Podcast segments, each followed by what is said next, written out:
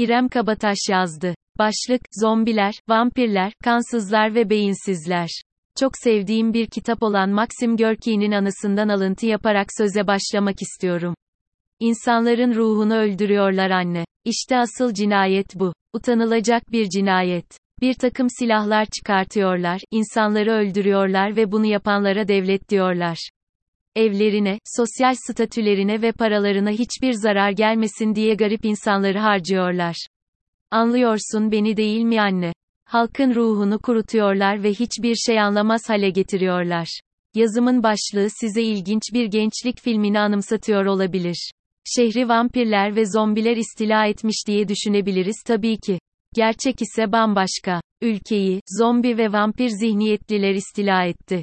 Beynimizi yiyip kanımızı içmek istiyorlar çünkü insan kendisinde ne eksikse onu istermiş. Bu yüzdendir ki halk olarak huzur ve alım gücü istiyoruz diyebilirim. Tabii ben yine de ek olarak aşk, düşük kiralar, akademik başarı, kilo vermek falan filan da istiyorum. Evrene buradan mesaj iletmiş olayım. İnsanlar nasıl ülkelerde intihar eder düşündünüz mü? Senelerce okulda dirsek çürütüp, aç devletin ve patronun ona reva gördüğü asgari ücretle hayatta kalınan ülkelerde intihar ederler. Kiraların maaştan çok daha yüksek olduğu ülkelerde insanlar intihar eder. Devletin halka saygı duymadığı ülkelerde insanlar intihar eder. Gerçek bir eğitim sisteminin olmadığı ülkelerde insanlar yaşamak istemez çünkü yaşamayı bilmez. Ülkesinde bir caddede yürürken bir bomba patlamasında ölmek istemeyenler de intihar eder. Devlet vatandaşını koruyamıyorsa neden kaderini bir başkasına bıraksın ki? Psikolojik rahatsızlıkları dalga konusu olarak gören ülkelerdeki vatandaşlar bile intihar eder. Çocuğunu doyuramayan ebeveynler intihar eder. İktidarın sürtük dediği kadınlar intihar eder. Türkiye'de halk batmış bir gemide çırpınarak intihar eder. Bu vampirlerden ve bu zombilerden kanını ve beynini koruyamadıysa yaşasa da ölüdür zaten. Yahu bu adamın kanını emmişler e bunun beynini de yemişler tabii bilmez kime neden oy vereceğini. İktidar ne diyorsa evet der, dün dediğini bugün inkar ettiğinin farkında bile olmadan. Yıllar önce LGBTQ artı, I savunan Erdoğan, bugün aile yapısını bozuyor dediği için alkış tutarlar ama ertesi gün savunsa ona da alkış tutarlar. PKK'lılara hakaretler ederler ama çözüm sürecinde ayakta alkışlarlar. Normaldir bunların sorgudan, düşünmekten uzak olması.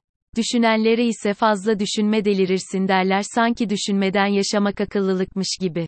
Düşünmeden yaşayanlar mutlu bir şekilde yaşıyor oldukları yanılgısına kapılırlar. Oysa ki tek yaptıkları hayatta kalmaktır.